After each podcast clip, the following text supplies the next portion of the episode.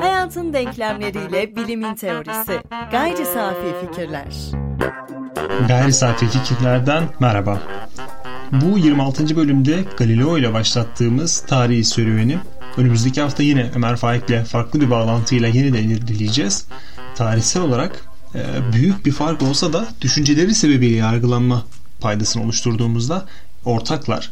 Ben bu hafta işte bu iki bağlantının tam ortasında bazı örnekleri tanımlayacağım. Çok da insanlık tarihinde iyi olarak yer etmemiş fakat bilmemiz gereken belki de geçtiğimiz hafta ile önümüzdeki haftayı bağlaması açısından yahut bilim tarihi açısından önemli olan bu örnekleri bilmek isteyebilirsiniz diye düşündüm.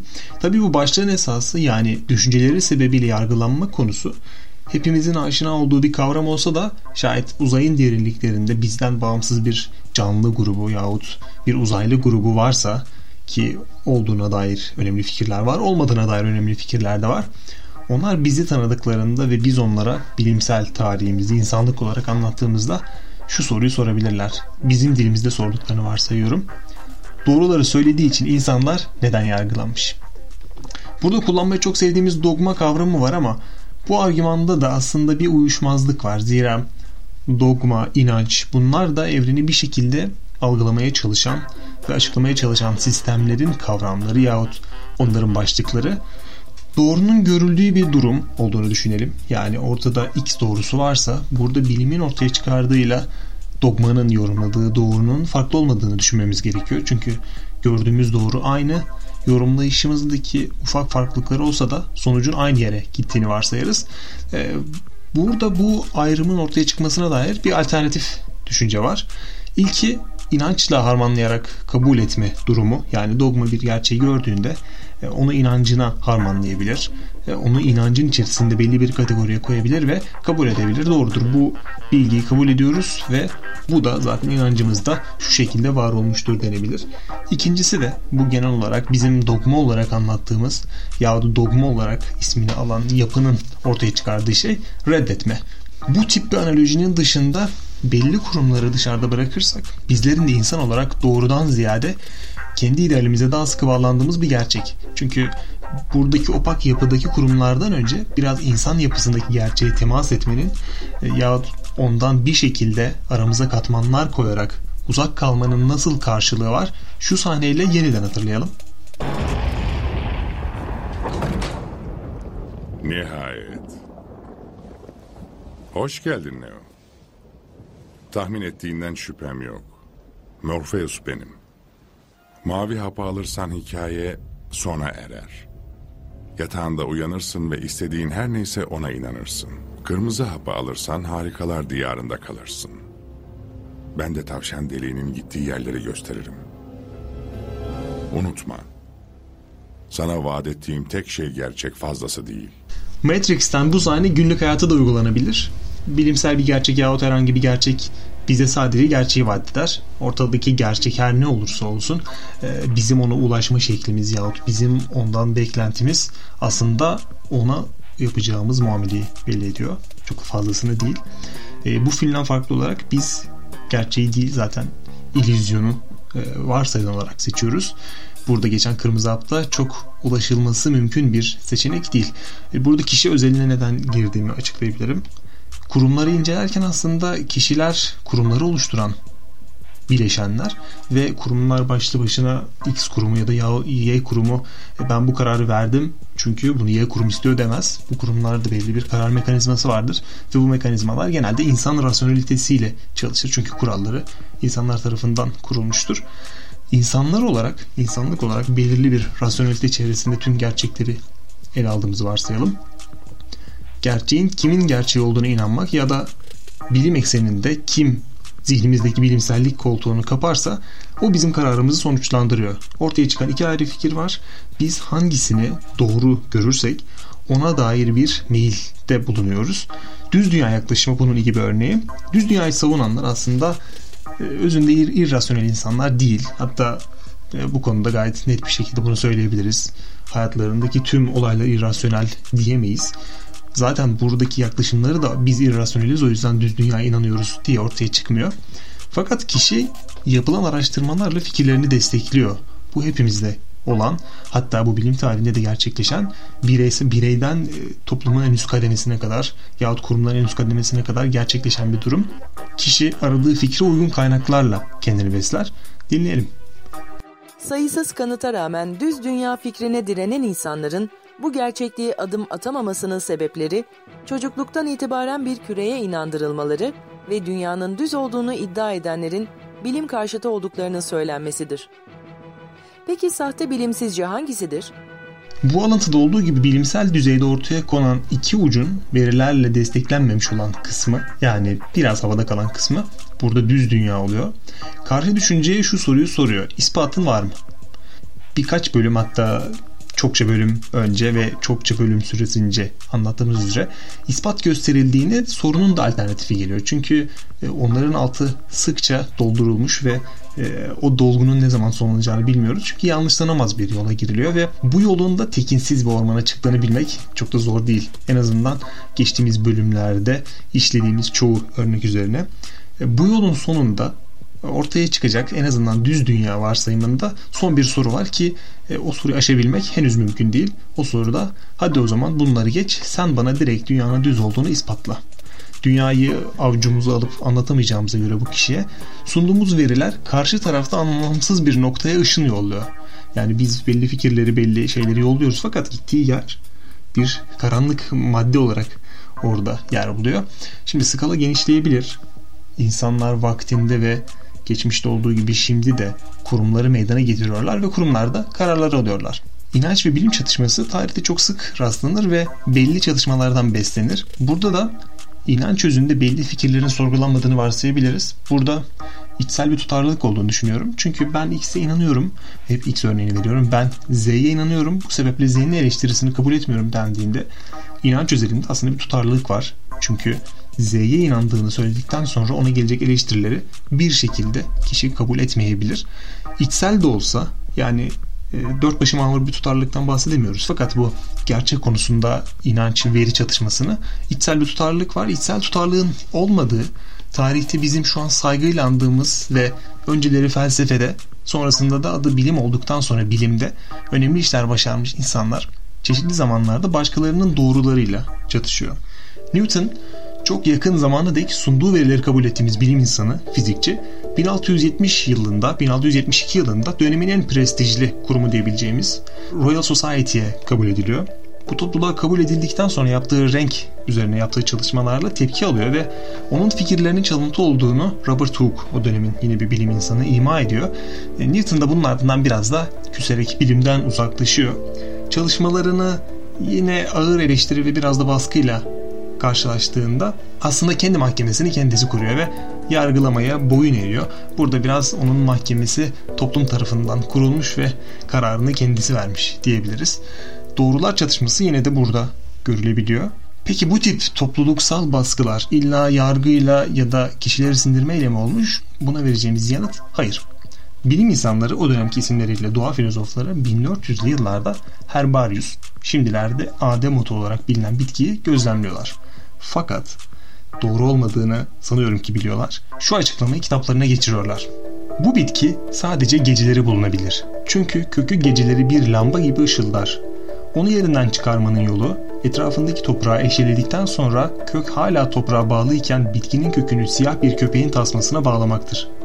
Köpek koşturulunca bitki de yerinden çıkar ancak sihirli yapısı nedeniyle topraktan tam çıktığı anda köpeğin ölümüne neden olur.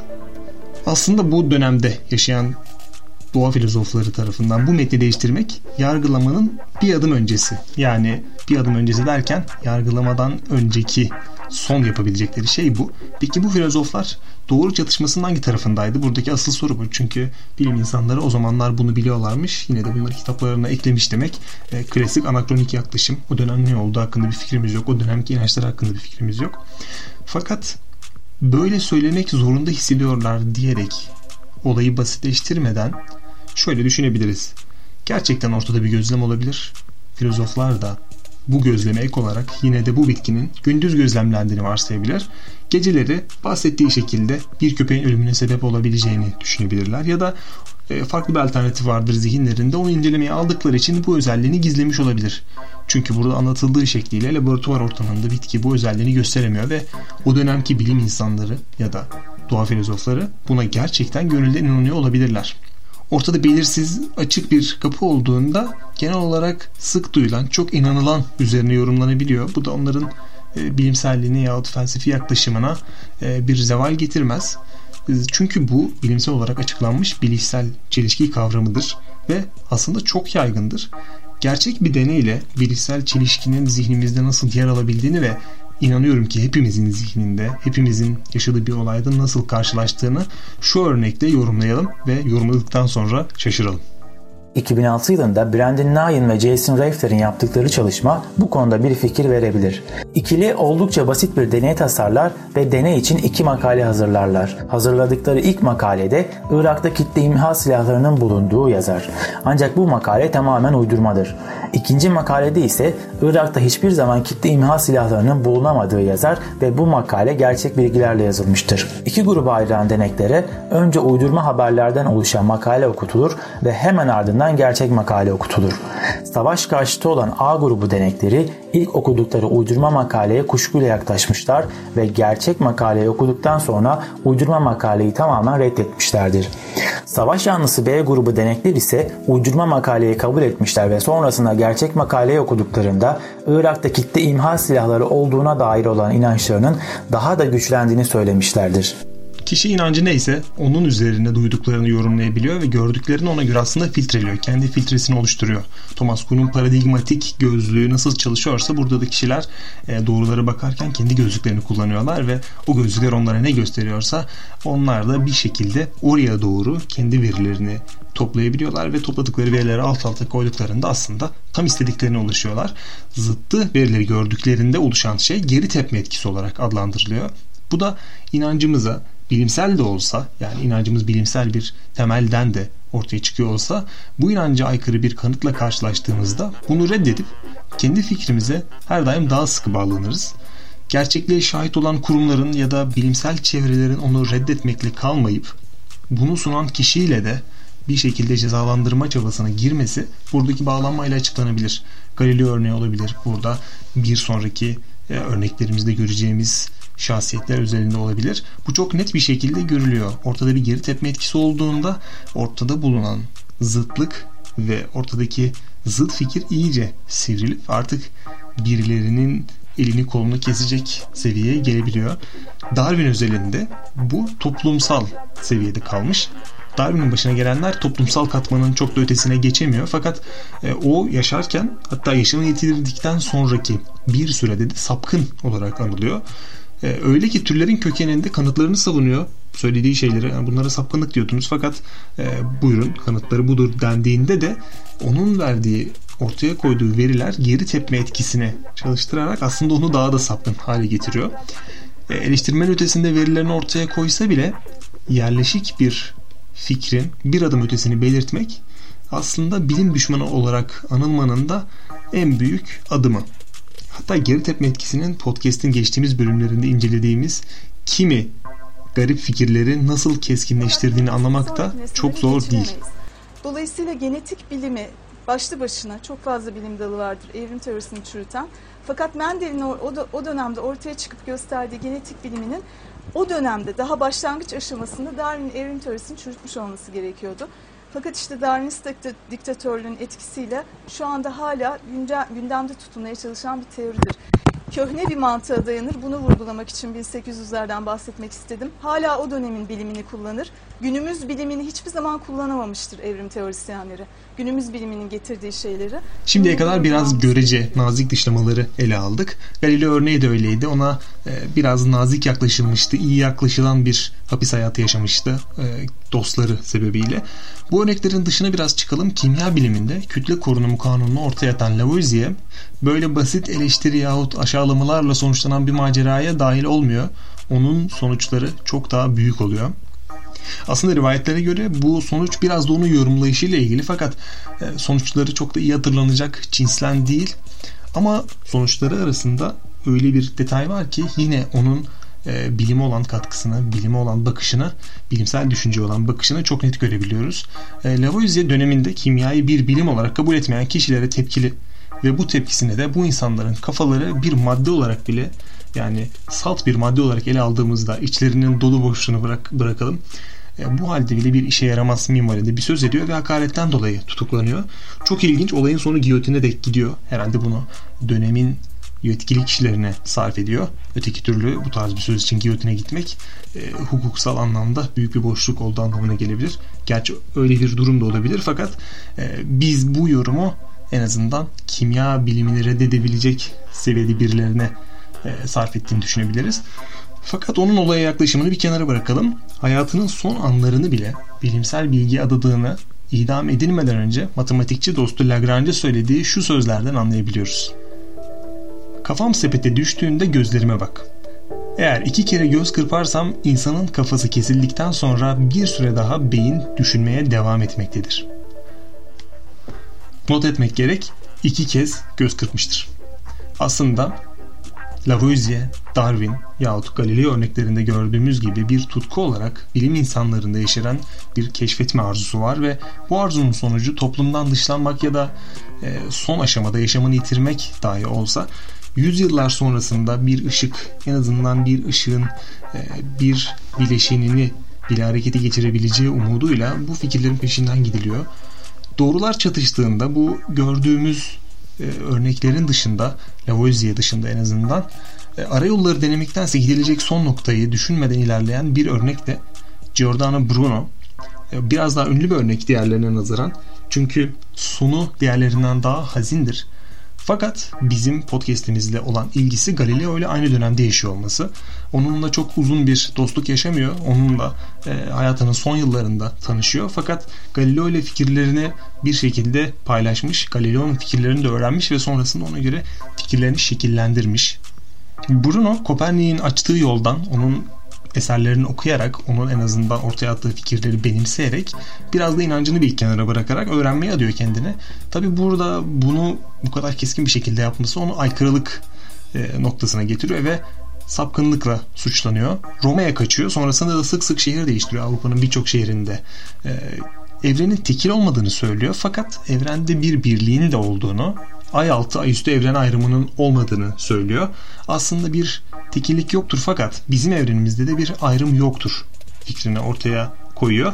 E, hem çoğulluk var hem de ayrım yoktur derken kozmosun da bir hayatla dolu olma durumu olduğundan bahsediyor. Uzayda hayat olabileceğini söylüyor. Uzaylılardan bahsediyor ve komple teorileri de yine burada çalışmaya devam ediyor. E, Bruno üzerinde uzayda da hayat vardır dediğinde hemen acaba Bruno ile uzaylılar konuşmuş mu? Acaba kilise onun uzaylılarla konuştuğunu bildiği için mi onu e, böyle hazin bir sona iteklemiştir, itmiştir gibi bir komple teorisi hemen çalışıyor. Biz o teoriyi hemen bir kenara atıyoruz ve Bruno'nun hayatından devam ediyoruz. Bruno sonsuz evrenlerden bahsediyor ve bu evrende dünyadan başka e, çokça gezegen olduğunu da not ediyor. Fikirleri sonrasında e, olan bir şekilde hapis yatıyor. 8 yıl hapiste kalıyor ve sonunda canlı canlı yakılıyor. Yine de vazgeçmiyor. Bu arada ona düşüncelerinden vazgeçmesi ve bu sonsuz evren görüşünün din sapkınlığı olduğunu kabul etmesi durumunda affedileceği de söyleniyor. Bu durum onu pek ikna etmiyor. Zaten öncesinde de e, hakimlere karşı üslubuyla, bu olaylara karşı yorumlarıyla çok da e, uzlaşmaya gidebilecek bir karakter olmadığını belli ediyor. Zira onun kararını okuyan hakime bana bu kararı verirken benden çok siz korkuyorsunuz diyecek kadar gözünü karartmış, e, kendine güvenen bir e, karakter. Bir, bir bilim karakteri olmasının dışında kendisi çok güçlü bir karakter. Bu tarz şeylere ikna olmaması çok da normal.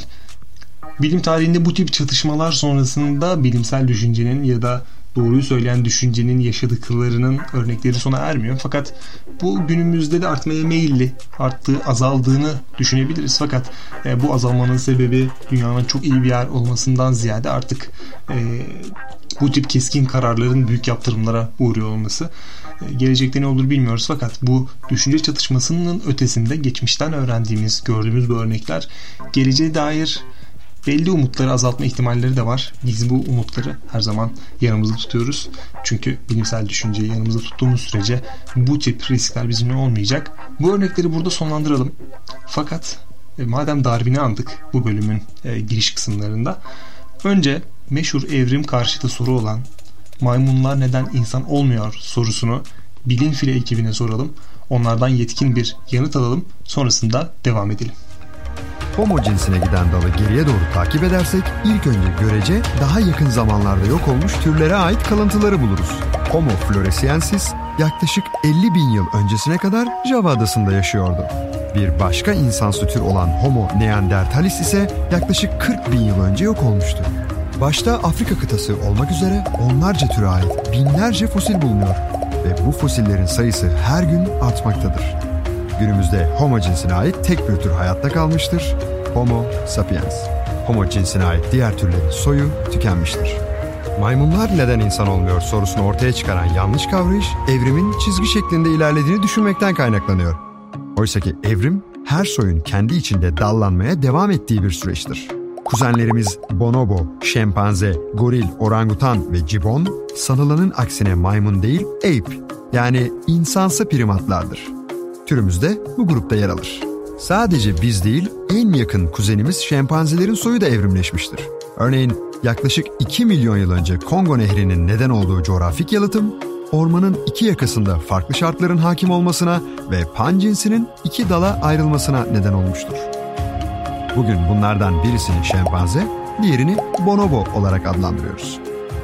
Bu türlerin neden insan olmadıkları sorusuna gelirsek, Homo cinsinin yaşadığı doğal şartlara ve 6 milyon yıllık kalıtımsal birikimine sahip değillerdir. Belki milyonlarca yıl sonra onlardan da insana daha çok benzer dallar ortaya çıkacaktır. Belki iki ayak üzerine bile kalkabilecekler. Ancak insan türüyle aynı süreçleri birebir yaşama ve kalıtımdaki rastgele değişimlerin aynı olma olasılığı imkansıza yakın biyokültürel ve toplumsal evrim süreçlerini ve büyük kısmını kendi yarattığımız ekolojik nişleri önceden doldurmuş olmamızı saymıyoruz bile. Sonrasında devam edelim dedim fakat bu haber bültenlerinin son dakikalarında devam edelim dedikten sonra 30 saniyelik bir e, kapanışla haber bültenini sonlandırmak gibi oldu. E, ben yine de bundan sonra madem bizler maymundan geldik şimdiki maymunlar neden insan olmuyor sorusunun yanıtını bildiğimiz için mutluyum. En azından bu konuda bir şey katmaya çalıştım. Gayri safi fikirlerin bir sonraki bölümünde bu bölümde verdiğimiz örneklerin neredeyse en eskisini vereceğiz ve bilim tarihinde yepyeni bir yolculuğa çıkacağız. Görüşmek üzere.